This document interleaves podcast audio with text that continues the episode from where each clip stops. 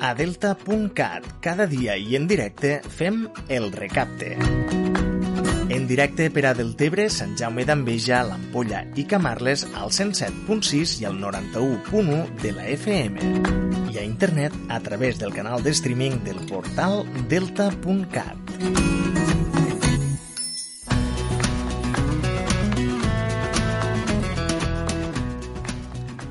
Molt bon dia, benvinguts de Delta de l'Ebre al recapte el magazín matinal de Delta.cat a la 107.6 i a la 91.1 de la FM. Avui, dimarts 28 de juny. 28 de juny, sí, senyors. 28 de juny, Dia Internacional de l'Orgull LGTBI. Novament ens trobem en un dia re, per reivindicar ser com un vulgui ser. Llàstimosament, en pocs dies hem comprovat que encara hi ha un llarg camí per recórrer. Aquest passat Sant Joan a Deltebre i amb la pintada al pas de vianants de Tortosa, amb la frase no queremos maricones, hosti tu. Jo no vull desigualtat, no vull situacions injustes i el que menys vull és que la llibertat d'algú se vegi condicionada per la d'un altre. El món és molt gran i la vida molt curta per anar d'aquest pal, així que si us sembla bé anem a ser feliços i deixar que els demés també ho siguen. Aquest dimarts, eh, Josep Luque, a la primera part de programa, ell és el coordinador del Viver d'Empreses del Baix Ebre, d'Innova, ens acompanyarà per tal de conèixer quina és la funció del Viver i com a través eh, d'aquest es coordinen les iniciatives empresarials encaminades a nodrir i reforçar el nostre teixit empresarial. Avui dimarts, a la secció d'entitats, Llatze Bru, president del eh, Club de Futbol de l'Ampolla, ens parla d'aquest club i fa balanç de la temporada i planteja els punts a treballar per a la propera. Recordeu que Delta.cat som una plataforma digital i per tant també ens podeu seguir a través de Facebook, Twitter, Instagram o a través de la nostra web deltacat.cat on trobareu totes les entrevistes i notícies del dia. Com sempre, tot plegat ho combinarem amb el repàs a l'actualitat digital i musical. Aquest serà el contingut del recapte d'aquest dimarts per a la propera hora. Si us sembla bé, comencem.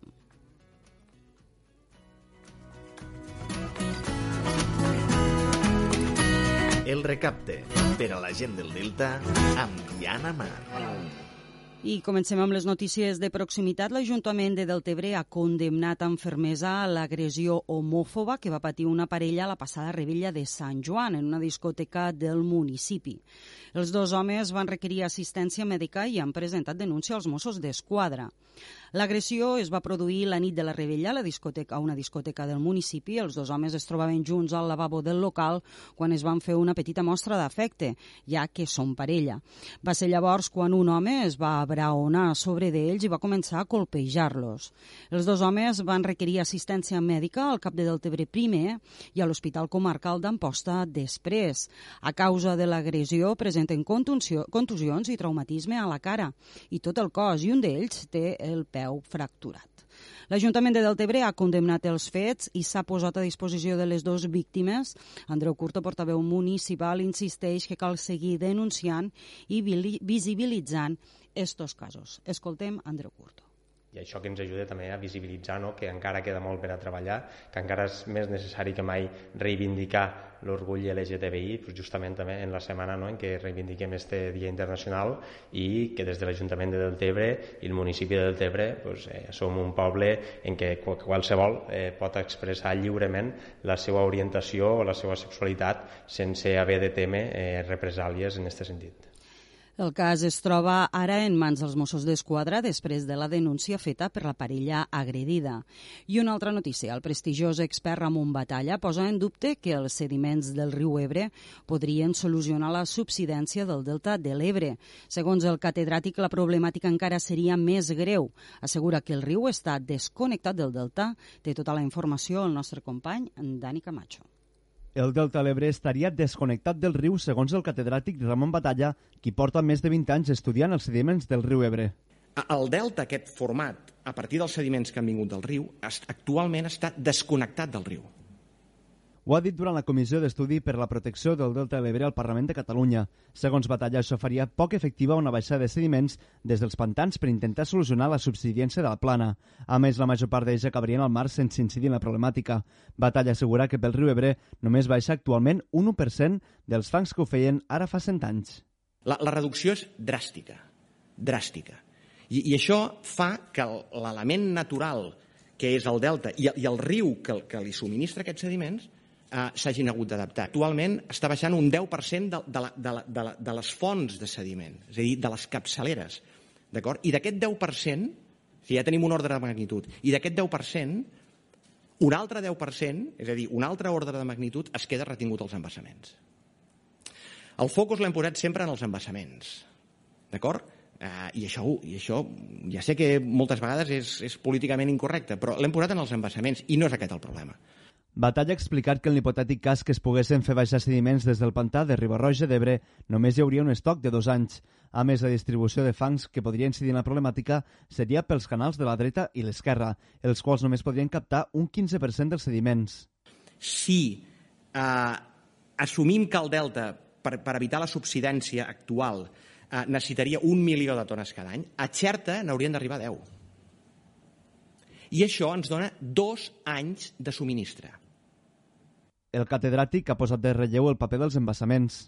Que els embassaments el que fan és incrementar-ho tenint en compte que els embassaments són una infraestructura vital mm, en tota la societat, especialment al món mediterrani, pels serveis que generen, de, de prevenció d'inundacions, de producció hidroelèctrica, de regadiu, no ho hem d'oblidar.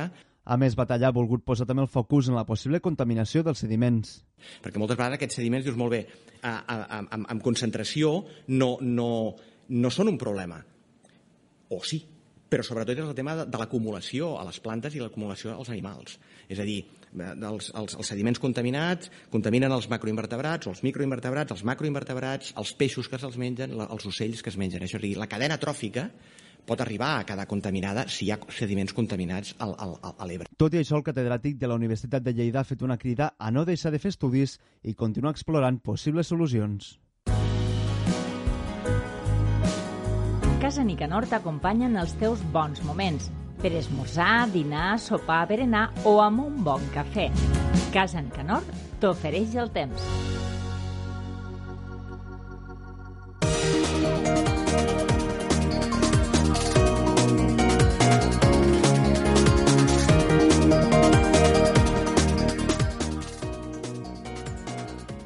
Bé, i de les notícies de proximitat, ara anem a veure quines seran les temperatures que regnaran en el dia d'aquest dimarts 28 de juny al nostre territori.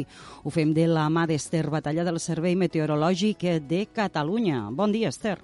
Hola, bon dia. Iniciem el repàs del temps a les Terres de l'Ebre parlant d'aquests intervals de núvols baixos que sobretot cap al Baix Ebre, Montsià, en algun sector doncs deixen el cel una mica tapat a primera hora del matí, però a partir ja de mig matí tendiran a minvar i de fet s'espera un ambient molt assolellat que acompanyarà la temperatura màxima avui pujarà una mica, especialment cap a la Ribera d'Ebre, també cap a zones de l'interior del Montsià i la Terra Alta. D'altra banda, eh, les properes jornades vindran marcades per la tranquil·litat, tot i que amb una miqueta més d'inestabilitat entre dimecres i dijous. De moment, això és tot. Bon dia. El temps amb els bons moments de Casa Nicanor.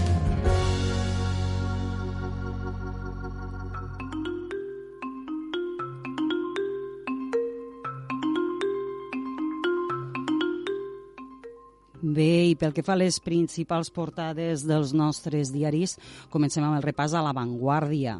L'OTAN mobilitzarà 300.000 soldats davant l'amenaça de Rússia. Els països bàltics demanen de reforçar la protecció al corredor de l'enclavament rus de Kaliningrad.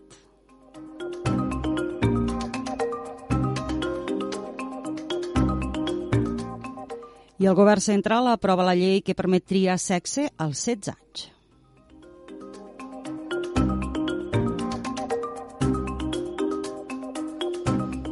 Aprofundint una miqueta més en aquesta notícia, el Consell de Ministres va aprovar ahir l'anomenada llei trans que permet triar el sexe a partir dels 16 anys i des dels 12 anys amb permís del jutge.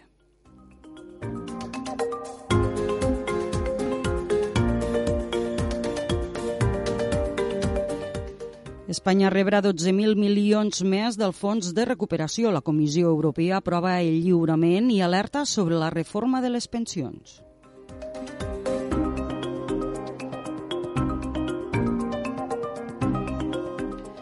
I una bona notícia de caire econòmic. El Mobile prolonga l'aliança amb Barcelona fins l'any 2030.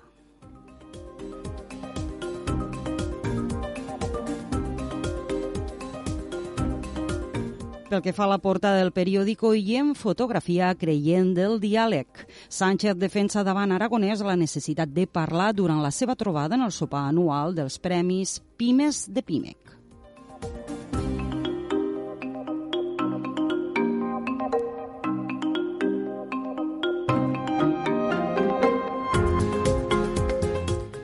Pel que fa a la portada del punt més avui, eh, Mobile 2030, l'èxit del 2021 i el suport de les administracions i la Fira han estat claus en l'acord.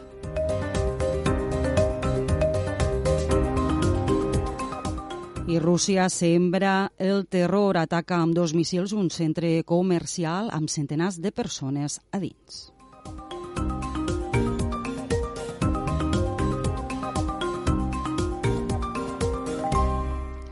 La querella d'Òmnium pel Catalan Gate és admesa a tràmit. I tanquem el repàs a les principals portades amb el diari Ara. El G7 es compromet a fer costat a Ucraïna tant temps com calgui.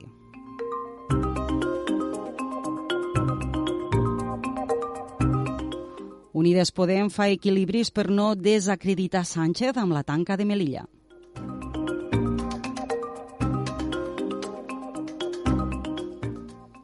I pel que fa als portals digitals, almenys 46 persones migrants moren per calor i asfíxia dins un camió a Texas.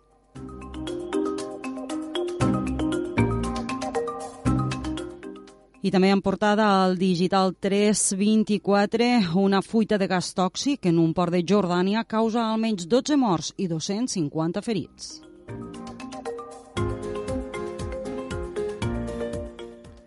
Pel que fa als portals digitals de proximitat, aguaita.cat denúncia per agressió homòfoba al Deltebre en la vida m'ho hagués imaginat, una de les víctimes.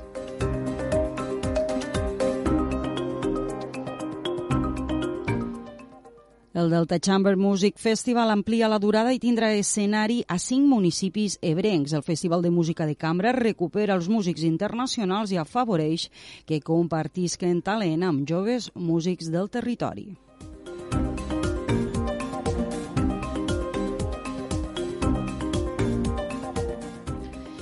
I tanquem amb una notícia del portal digital Imagina Ràdio. L'Ajuntament de Tortosa no cedeix la plaça de la catedral per celebrar el dret a l'avortament.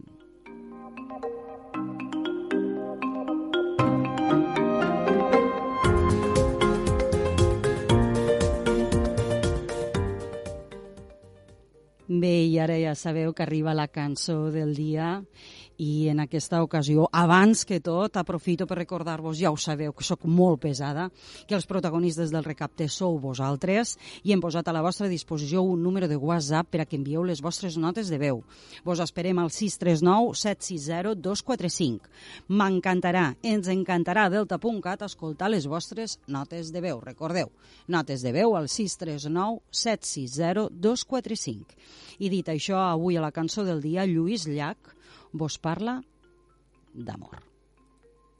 Si avui parlo d'amor és per dir-vos potser sense força ni traça que he fet tantes cançons amagant veritats sota un joc de paraules és potser per això que me cal dir-ho ara. Parlaré de les lleis que han fet del nostre cos tan grollera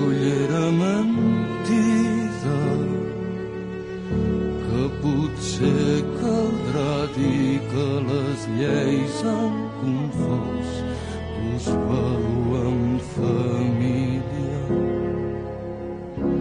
Potser no tinc raó, potser tu, potser jo. I parlaré d'aquells pels que el cos és presó de passions condemnades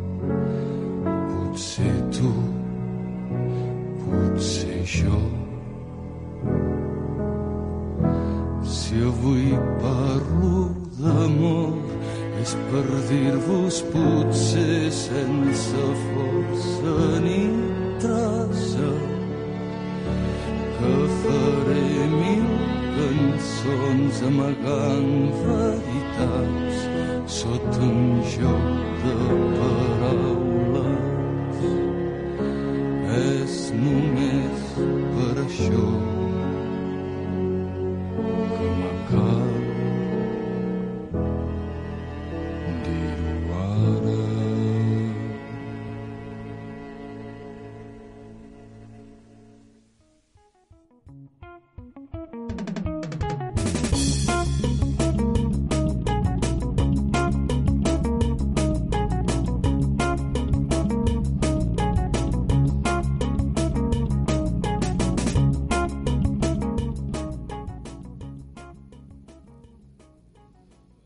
i avui a l'espai de l'entrevista, com us deia a la presentació del programa, ens acompanya Josep Luque.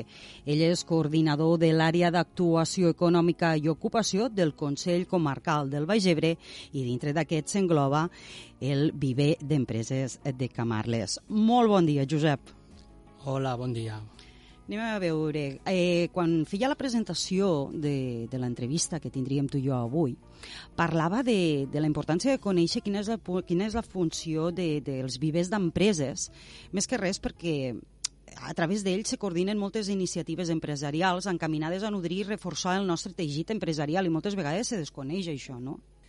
Eh, doncs sí, eh, efectivament, eh, vivers d'empresa, en concretament el que el Consell Comarcal gestiona des de l'any 2004, Uh -huh. eh, ha desenvolupat un paper rellevant. Ha sigut una incubadora, eh, de fet va ser la primera incubadora a les Terres de l'Ebre, eh, si no recordo malament, i, i bueno, en principi, eh, evidentment, eh, quan se va eh, dissenyar la iniciativa de, de la incubadora Baix Ebre Innova, eh, pues, bueno, tenia bàsicament esta finalitat, intentar eh, donar suport en aquells nous projectes eh, empresarials, bàsicament, eh, que eh, anaven sorgint i que, i que per tant per nosaltres eren capdalt. Eh, mm, hem d'entendre que nosaltres som una àrea tècnica que vegem preocupació si realment aconseguim eh, d'alguna manera influenciar que al nostre territori hi hagi em, empreses eh, més consolidades, que siguin capaces de créixer, que siguin més competitives, eh, de retruc millorem eh, moltíssim l'ocupació. Llavors el paper capdalt del viver eh, ha estat bàsicament sempre aquest. Eh, això ha anat evolucionant. Eh, ara el viver tampoc té ex- exclusivament la mateixa finalitat que tenia llavors. Els vivers, quan, quan a l'any 2004 eh, començaven totes aquestes iniciatives, eh, tenien un objectiu eh, i això ha anat evolucionant fins a, actualment on el viver també des, desenvolupa un paper important però molt probablement eh, pues no és el mateix paper que tenia llavors. Anem a veure en què ha variat aquest paper. Eh, bueno, eh, hi ha moltes coses en, que contextualitzen el paper del, del viver. Eh, llavors, bàsicament, eh, era, un, era un espai on te, eh, se proporcionaven uns equipaments, eh, un sol, uns despatxos, unes naus, a uns preus, pues, bàsicament uns preus molt competitius eh, que permetigueren a les empreses pues, pues, al, al començament tenir uns costos, uns costos petits i controlats. Eh, això tenia eh, sentit llavors, però bueno, eh, durant els anys això ha anat evolucionant de tal manera que ara bàsicament eh, trobar un espai eh, on te poder desenvolupar eh, les tasques que són necessàries per començar qualsevol tipus d'activitat empresarial eh, pues se poden fer des de, des de casa, des de qualsevol despatx. Jo crec que eh, aquell paper capdalt que eren uns equipaments on tenies un sol i uns, unes naus i uns despatxos, això ara tampoc té gaire sentit i ho hem anat reforçant. De fet, de fet eh, l'OBB d'Empreses eh, forma part d'un dels recursos que, que gestiona el Consell Comarcal de Baix Ebre per donar suport a les empreses i donar suport a les persones. I seguir sent incubadora, seguir fent el paper d'incubadora, segui, seguim tenint eh, naus i despatxos que lloguem, actualment està plena ocupació, però hi ha altres, moltes altres coses que, que s'estan desenvolupant des del Viver que llavors al començament no, no, no es tenien en compte. Anem a veure, aquestes coses que en un principi no es tenien en compte. Josep, podríem estar parlant de formació i assessorament? Eh, sí, eh, formació se n'ha fet sempre. Eh, formació ocupacional, eh, de fet és el centre de formació ocupacional de la comarca, se n'ha fet des del començament. És un servei que hem tingut sempre adreçat a les persones i, i des del Viver s'han pues, dissenyat i s'han executat tot tipus de formacions encaminades pues, bueno, a cobrir les necessitats que tenia el nostre territori. Eh, no, no em referia tant a formació perquè, com acabo de dir, eh, se n'ha fet sempre. I assessorament? Si, sinó que eh, eh, nosaltres hem, hem agafat la incubadora i hem, hem donat compte que, que està molt bé que, que donessin suport als nous projectes empresarials, en, en aquells, aquelles empreses que tenen, en aquelles persones que tenen un projecte d'autoocupació petit, en aquells startups que estan en una fase inicial i que encara han de consolidar el seu model de negoci, o en aquelles empreses que necessiten pues, a la millor una, un, una petita delegació comercial per establir-se aquí al nostre territori. Això ho seguim fent. El, el que passa és que, a part de, de, dels emprenedors, eh, en seguida van prendre consciència de que eh, per generar activitat, activitat econòmica també era molt capdalt eh, tenir en compte les empreses que estan implantades, és a dir, no, no només focalitzar-nos en l'emprenedoria com a tal, que és una manera de generar activació econòmica, és certa, però, però no, mm, llavors en aquells moments no, no, no dissenyàvem eh, altres actuacions adreçades a les empreses que ja estan actuant a, a, al nostre territori. I a partir d'aquí vam, doncs, vam prendre consciència que era igual o més important eh, fer propostes de projectes per a les empreses del territori que ja estaven en marxa, de la mateixa manera que havíem d'ajudar als nous projectes emprenedors que començaven. D'altra banda, Josep, suposo que de quan en quan vosaltres també aneu prenent el pols eh, a, doncs, a, a, a aquests empresaris o emprenedors que, que, bé, que venen a vosaltres. Quina, quin és el feedback que rebeu a hores d'ara? Eh, bueno... Eh, Perquè suposo que això ajuda també a créixer i a millorar. Sí, eh, eh, bàsicament lo, lo, lo perfil de persones eh, que utilitzen els serveis del, del Viver i no, i no em refereixo tant a aquells que tenen llogat un espai, sinó a aquells que eh, acudissin a les nostres instal·lacions en algunes necessitats en concretes, eh, pues, eh, els últims anys eh, són, són persones que eh, tenen petits projectes d'autoocupació i que, i que segurament eh, són conseqüència pues, bueno, de, de les dificultats que, es, que ens trobem en el mercat laboral per poder trobar feina. Eh, eh, lo feedback d'aquestes persones pues, bueno, eh, és positiu perquè a cap i a la fi eh, quan un té un projecte d'ocupació molt petit eh, té també molts de dubtes i, i l'itinerari, el camí que ha de recórrer pues, moltes vegades és feixuc i costós i llarg i, i des de la incubadora eh, la nostra feina bàsicament passa per, per donar aquest suport, aquest acompanyament en tot aquest procés. Per tant, des d'aquest punt de vista, eh, eh, crec que, que la feina eh, s'està fent bé i així ens, ens ho manifestem. Tot i això, doncs, bueno, és, és un tipus de perfil, n'hi ha molts altres, eh? hi ha molts altres, però bàsicament seria este.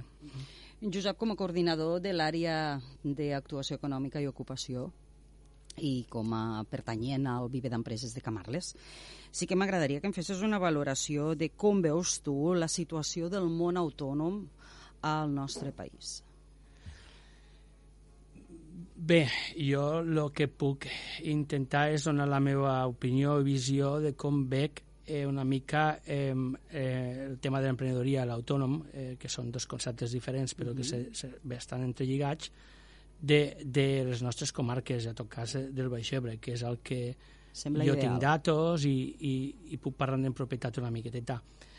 Eh, bueno, abans ja, ja apuntava una miqueteta eh, em, com ho veig. Eh, D'entrada, eh, veig clarament, eh, eh, sobretot eh, els dos últims tres, dos o tres anys, suposadament, segurament fruit de la pandèmia, que hi ha hagut una disminució important, important d'aquelles persones que en principi eh, se, eh, venien a nosaltres en la idea de muntar un tipus de negoci. Eh, això sí que és cert que actualment eh, nosaltres tenim dades i som conscients de que hi ha hagut una davallada. També tenim clar que eh, majoritàriament eh, los, los, projectes d'emprenedoria, i em refereixo a emprenedoria no tant com a autònom, autònom on tenc un tipus de cotització. Eh, Però què et volia dir l'emprenedoria, l'emprenedoria a nivell empresarial se, acaba passant per l'autònom? Eh, sí, sí, sí, sí, cert, sí, sí cert. Eh, eh, és, una, és una segona fase, sí, és, és cert. En qualsevol cas, emprenedors o autònoms, eh, sí, sí és cert que quan comencen un projecte també és, eh, hem vist o hem observat de que majoritàriament són emprenedors que, que eh, acadèmicament eh, reben el nom emprenedors per necessitat i no tant per oportunitat.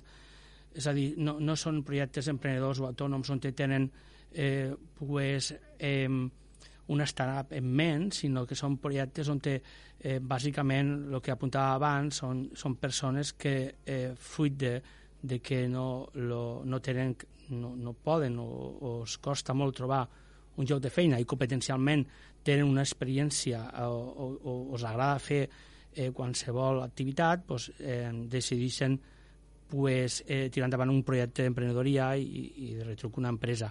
Llavors, eh, projectes pues, són, són més per necessitat, perquè moltes vegades pues, bueno, la veritat d'aquests projectes eh, quan, quan aterrem i ens finquem juntament amb els emprenedors a analitzar-los, doncs veiem que no és tal, que, que, que la viabilitat econòmica o, o la viabilitat comercial del projecte pues, pues no hi és. Llavors, sí també tenim aquesta radiografia, eh? el perfil d'emprenedors eh, han disminuït, hi ha, hi ha menys gent que, que vulgui fer salt a l'emprenedoria i també que és, eh, són perfils d'emprenedors per necessitat, on té, són petits projectes d'autoocupació. Eh, bueno, és un, és un sector eh, on té molt probablement pues, eh, fruit també de la pandèmia i... i, i... Disculpa'm que et talli un moment, Josep, però el fet és que hi ha un punt interessant respecte al que oferiu des del Viver d'Empreses, que a vegades també és molt necessari, és el fet de dir aquest projecte no té viabilitat. Abans d'estampar-se o de o, o d'enterrar potser els últims recursos econòmics que pugui tenir algú, que et diguen això no li veiem tirada, també a vegades és d'agrair. Sí, jo, jo entenc que sí, eh, que és cap dalt, eh, a, a vegades eh, eh, jo mateix i personalment, eh, tot, tot i que ara eh, des de fa un temps que pensar ja no, no, no desenvolupo tasques de, de tècnic com he fet tota la vida, uh -huh. eh, de tècnic d'assessorament d'empreses, eh, sí que eh, he anat prenent consciència de la importància d'evitar de, de, eh, el fet de, de, ja, de promoure l'emprenedoria per promoure l'emprenedoria, com si eh, eh, fora sempre una opció vàlida. Intentar pues, que eh, primer pas és, és que quan una empresa o una persona vulgui emprendre que siguessin capaços d'entre de, tots minimitzar el risc perquè eh, si no ho fem així eh, les conseqüències poden ser molt pitjor. Un exemple, si, si una, una empresa, una persona eh, te, te ve i t'explica que eh, com a projecte eh, de vida ha pensat en muntar un restaurant o un bar, que en principi em sembla bé, però que eh, necessita 50.000 euros per eh, invertir-los en el negoci perquè a més no té cap tipus d'ahorro i que eh, després veiem que la veritat comercial d'aquell bar o restaurant que vol muntar, i fico un exemple, eh, no és tal o, o hi ha eh, moltes incògnites, pues, el que nosaltres hem de fer és, és fer informes tècnics per avalar i fer entendre a aquella persona pues, que el risc és molt elevat. De fet, és cap dalt, és a dir, faríem un frac favor si eh, no ho féssim així. Mm? No, no, la veritat és que és així mateix tal com ho expliques, Josep. D'altra banda, també eh, heu estat motiu de notícia perquè a mitjan d'este mes de juny vau, eh, bueno, titular, vuit empreses participen en el programa d'assessorament 360 al Viver d'Empreses de Camarles. Quin és aquest projecte? Quin és aquest programa d'assessorament? En què consistia? Bueno, el, programa 360 eh, graus és una iniciativa de, del Consell Comarcal del Baix Ebre, eh, finançada a través del Servei d'Ocupació de Catalunya, concretament a través d'un programa, eh, el programa de treball als comarques, on ja, ja és una iniciativa que, que mm, ja té cert recorregut, ja fa uns quants anys, tot i que hem anat eh, modulant i ha anat variant, eh, ja, té, ja té cert recorregut, ja fa 3-4 anys aproximadament que el venim desenvolupant, però certament ara eh, l'hem tornat a promocionar i l'hem tornat a, a incentivar. És un, és un programa on posem a la base de les empreses un assessorament professional i a, intentem adaptar les necessitats de cada una de les empreses i, i la finalitat és impuls, impulsar eh, la consolidació, la competitivitat i el creixement de les empreses i amb l'objectiu de millorar el desenvolupament territorial. Eh, això té sentit perquè, com he dit abans, eh, nosaltres eh, de vetllar per l'ocupació del territori uh -huh. i, i és fàcil de lligar que si aconseguim impulsar la, la consolidació, competitivitat i creixement de les empreses, de les nostres empreses, de retruc millorarem l'ocupació, eh, que és, és per motiu pel qual ens paguen, perquè la nostra feina, bàsicament, eh, un de, dels objectius és aquest. Mm? Llavors, eh, és, un, és un programa d'assessorament on te, eh, se seleccionen eh, poques empreses perquè durant uns mesos a través d'una eh, una consultora, un equip professional que és extern, eh, en principi, a, als serveis tècnics del Consell, durant uns mesos i en una bossa d'hores, eh, les empreses passaran per una sèrie de fases uh -huh. amb l'objectiu que acabo de dir abans, d'acord? Uh -huh. Més específicament hi ha quatre fases al, al programa 360, una primera fase on té aterrem en la consultora especialitzada per fer una diagnosi prèvia, esta, esta diagnosi segurament eh, sempre es realitza a la seu de l'empresa, intentem identificar aquelles mancances, aquelles necessitats d'aquella empresa que s'ha inscrit. De fet, quan s'inscriuen al programa és que segur que tenen molts problemes en moltes coses, eh, val? i aquesta diagnosi prèvia és un aterratge que fem en la consultora i juntament amb la consultora també eh, hi ha part de l'equip tècnic de l'àrea eh, que treballa conjuntament amb la consultora per fer de pont i per donar continuïtat quan la consultora marxa però sí, cert, hi ha una primera fase, una primera fase de diagnosi prèvia, després hi ha una segona fase on té, eh, hi ha una definició d'objectius i una planificació d'accions, molt específicament adreçades a una sèrie de temàtiques que són fruit de la diagnosi que s'ha fet prèviament abans. Aquí, durant eh, uns mesos, eh, la consultora eh, fa l'acompanyament necessari per eh, intentar bueno, anar avançant en l'assessorament i el suport en l'execució de les accions que s'han planificat en l'acció anterior i, i al final de tot hi ha una fase de tancament i una fase de recomanacions on té l'expert o els experts realitzen un informe final amb totes les actuacions treballades i, i s'inclou una proposta de, de recomanacions a realitzar a curt termini per part de l'empresa. Josep. No voldria acabar l'entrevista sense fer-te dos preguntes. No em perdonaria que marxessis i no haver-te fet aquestes dues preguntes. I tant, avant. en base a això que ens expliques de l'assessorament 360, d'acord? Aquest assessorament ara és motiu de notícia, però l'assessorament és el que comentàvem. Vosaltres des, de, des del Viver fa molt de temps que el dueu a terme. Sí que m'agradaria que em fessis radiografia de fortaleses i debilitats del nostre teixit empresarial al Baix Ebre. Eh, bueno, pues eh, eh, les, fortal les fortaleses bàsicament eh, són també eh, fortaleses que segurament eh, trobaríem a molts altres llocs. Val? Eh, la, la, la, la professionalitat, eh, molt probablement d'algunes de les empreses, no, no, no la professionalitat, sinó l'especificitat, eh, allò específic que aquestes empreses del nostre territori són capaces de fer, eh, eh, altres fortaleses importants, eh, eh, el teixit productiu de la nostra comarca, eh, l'empresa familiar, d'acord? Eh, hi ha, hi ha eh, les empreses familiars s'han arrelades al territori i aquí hi ha mm. un teixit productiu eh, eh, que són empreses familiars que, que fan que això sigui una fortalesa important. Eh, de, en quant a debilitats, eh, doncs molt probablement eh, són, són les de sempre, eh? és a dir, són empreses molt petites, uh mhm. -huh. molt, molt poquet múscul financer, eh, eh, majoritàriament, però això ja ho dic, són, són debilitats eh, molt genèriques. Eh, són empreses que en principi eh, pues, eh, què és, eh, que mos, què és lo que més mos falla? Eh, Mullat.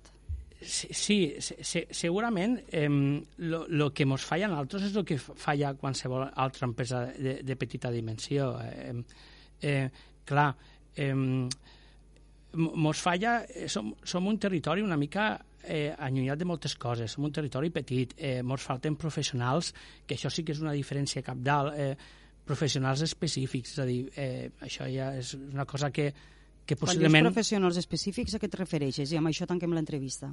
Eh, bueno, eh, ara últimament al nostre territori s'estan implantant, eh, estan venint inversions eh, de fora i, i, i nosaltres som una àrea d'ocupació i ens hem preocupat eh, pues, de tenir la radiografia dels perfils professionals que necessitaran aquestes empreses. Me va genial que introduïs que és això. Quin paper ha jugat el Consell Comarcal del Baix Ebre i en concret el Viver en tot el que és la contractació de Cronospan? Eh, eh, pues el paper que, que ha de jugar qualsevol administració pública. Nosaltres ens hem ficat a disposició de, de l'empresa, igual que entenc que qualsevol altra administració del territori que tingui serveis d'ocupació, perquè eh, explicar-los el catàleg de serveis que fem i per poder-los eh, facilitar la, la implantació de, de, de, l'empresa al nostre territori. Bàsicament ha estat aquest, és a dir, eh, tenim un dispositiu d'inserció sociolaboral desplegat a tota la comarca, els orientadors que treballen en les persones coneixen els perfils tècnics i professionals de cada una de les persones i, i això ho lligo en la debilitat anterior, és a dir, eh, bueno, molts d'aquests perfils de, de persones especialitzades pues, al territori eh, pues no, no, no els trobarem, haurem de ser capaços de, de, de formar-los i haurem de ser capaços d'intentar eh, proporcionar eh, mm, cobrir els jocs de feina que demanen aquestes empreses i per tal tindrem un repte molt gran, és a dir... Eh, em quedo amb això, Josep, que tenim un repte molt gran, ho hem de deixar aquí. Moltes gràcies. Moltíssimes gràcies, Josep, per haver estat avui al programa. Bon dia. Adéu. Adéu, adéu.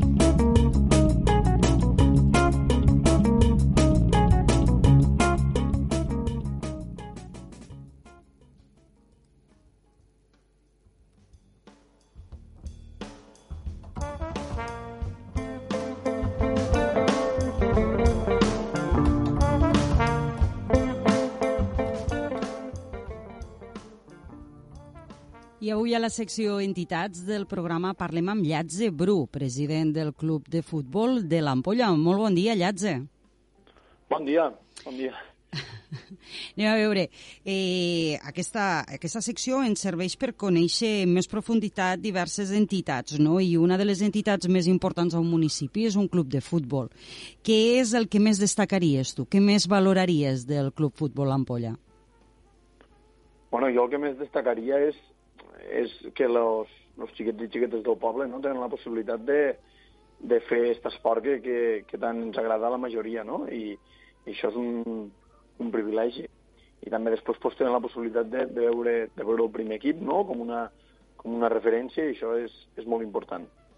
Pel que fa al primer equip com una referència, fes-nos una miqueta de balanç de temporada.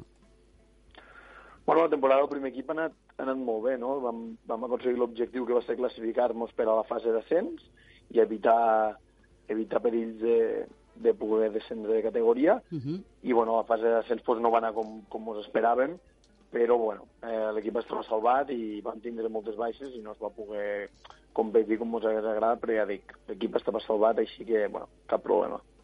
D'altra banda, també en un club de futbol és molt important eh, l'equip base les bases que pugen. Què ens en diries tu del club de l'Ampolla? Bueno, que, que jo crec que tenim molt bona base, tenim molt bona base. Una base, avui, aquest any hem tingut un, una base curta, que només arribava fins a, fins a l'Evi, però bueno, estem treballant ja ara per, a, per intentar fer un, un, perdó, un infantil l'any que ve, uh -huh. passar, al futbol, passar ja al futbol 11, i jo crec que bueno, tenim, tenim molt bona base. Ara hem de mirar com, com la podem potenciar. D'altra banda, també tot el que és el cos tècnic. Com a president, que has de prendre en determinades ocasions determinades decisions de cara a properes temporades, quin és el teu objectiu?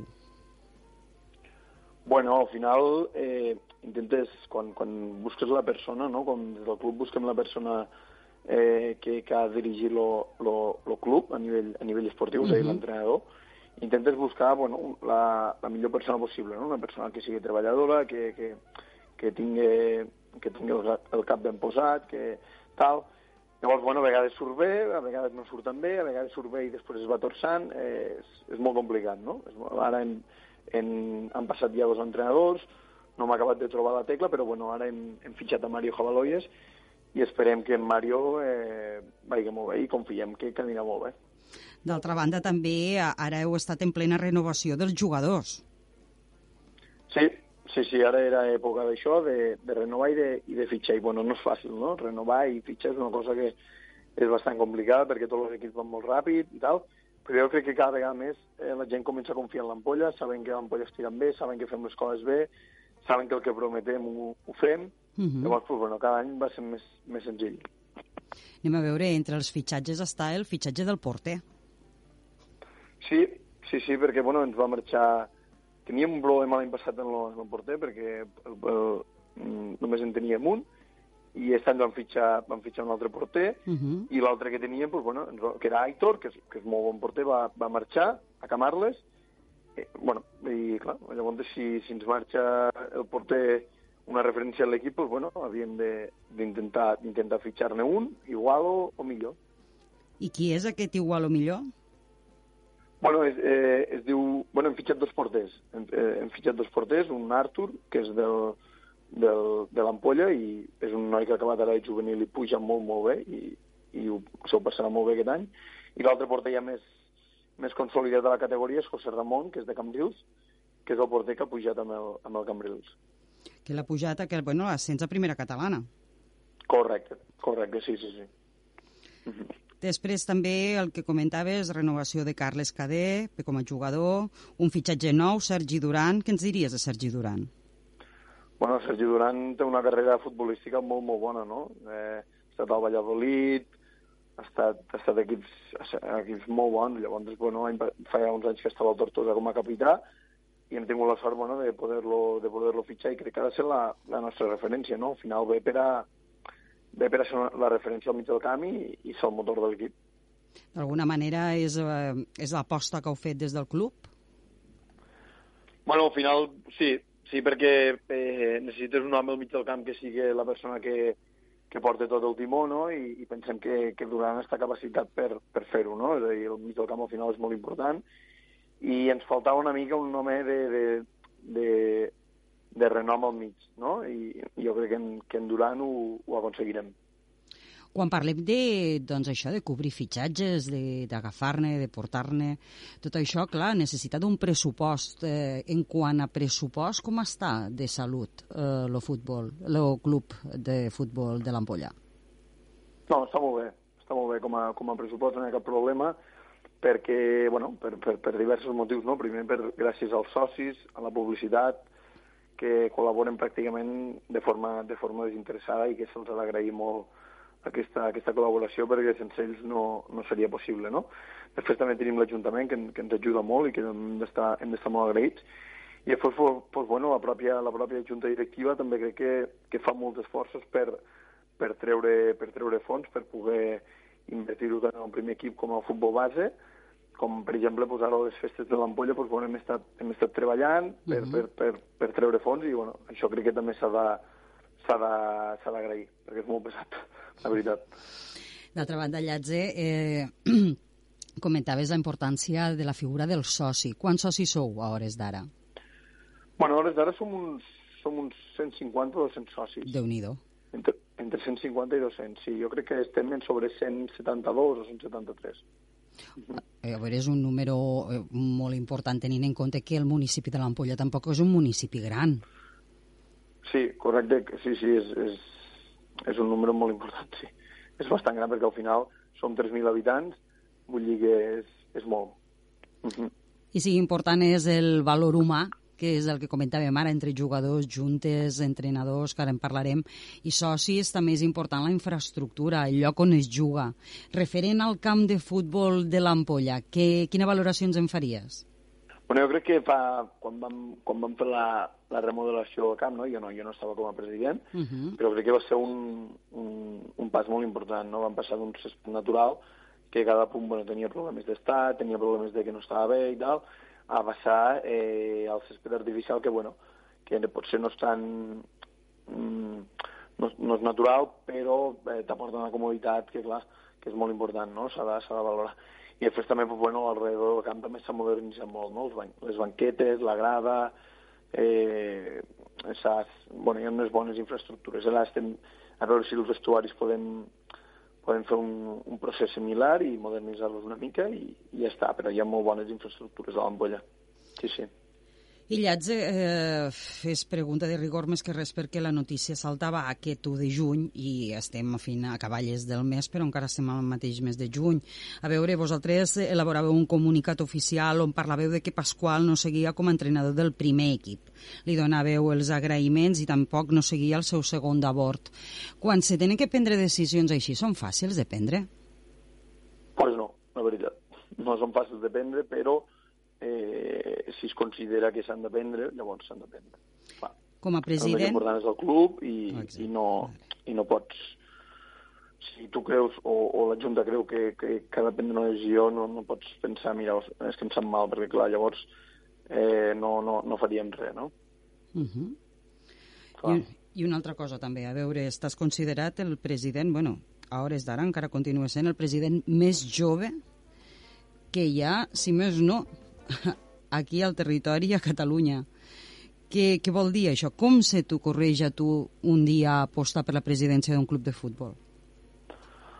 Bueno, a mi sempre sempre m'ha agradat tot, tot això, no? I, i ja eh, m'ha agradat molt el futbol, m'ha agradat molt dirigir, m'ha agradat... Mm, I clar, pues, al final la combinació de tot, no? Va sortir l'opció de que, de que l'antic president plegava i, i vaig pensar, hòstia, a veure si podria provar, no? Perquè al final eh, és, és qüestió de provar i mira, i vaig acabar, vaig acabar de president i ja portem dos anys bons. Uh -huh.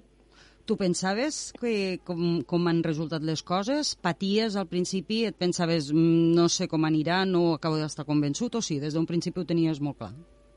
Bueno, jo patia més que res per l'aspecte per l'aspecte econòmic, no? perquè ens vam trobar un club econòmicament molt, molt afectat, molt. Llavors, bueno, era una cosa que, que em feia molt, que em feia enrere, que, que, que no, no ho veia gens clar. Però bueno, el temps, pues, mira, hem treballat i ho hem, ho hem pogut superar i ara pues, bueno, mm, estem molt, molt còmodes. I si és important també un altre element en un club de futbol és el cos tècnic. Per a tu, quines característiques primordials ha de reunir el teu cos tècnic? Bueno, jo crec que la primera, eh, la primera característica, com en, com en tot, és que ha de ser treballador. No? Si, si no tens un, un, un cos tècnic treballador és molt difícil. No? Llavors, aquesta és la, la primera. Després també que, que, que, que ha de ser un cos tècnic sinèrgic, no? perquè un cos tècnic no està format només per una persona i a vegades poden haver intercanvi d'opinions eh, o que no es pensi igual i això s'ha d'utilitzar positivament. Si s'utilitza negativament, mm, això afecta, afecta l'equip, no? Aquestes dues característiques per a mi són les més, les més importants. Molt més important que saber més o menys de futbol és, són aquestes dues, no? perquè al final en voluntat eh, es, pot, pot aconseguir tot. Molt bé. I hem parlat del futbol base, hem parlat de, del futbol, de l'equip, del primer equip, però una de les coses que sorprèn que el club de futbol l'Ampolla no tingui és un club femení. Bé, sí. Ho, és una cosa que, que ho, tenim, ho tenim pendent, que, que estem mirant per a, per a aquesta temporada, de fet, però que bueno, és difícil, no? també perquè al, al poble hi ha un club femení de futbol sala Uh -huh. I és el que dèiem abans, no? No, no som tanta gent com per a, com per a tindre com per a tindre mm, dos equips, no? Llavors, pues, bueno, és una cosa que ens agradaria tindre, però que de moment pues, bueno, és, és impossible. Veurem l'any que ve. Veurem l'any que ve. Com eh, que al final de temporada de l'any que ve, què t'agradaria quan et fessin una entrevista? Què t'agradaria explicar? Bueno, m'agradaria explicar moltes coses, no? Però jo crec que eh, m'agradaria explicar dos, dos coses, bàsicament. La primera és que el futbol base Digues. hagué, hagué anat bé, mm, hagué augmentat en categories i, i els, els xiquets ho havien passat molt bé. I la segona, que el primer equip hagué tingut un any, un any estable, un any un bon any, independentment de si dels resultats que hagi tingut un any, bueno, un any còmode. Molt bé. Doncs, Llatze, un plaer haver pogut xerrar amb tu i que ens hagués explicat una miqueta més de casa teva. Molt bé, moltes gràcies. Que tingues molt bon dia.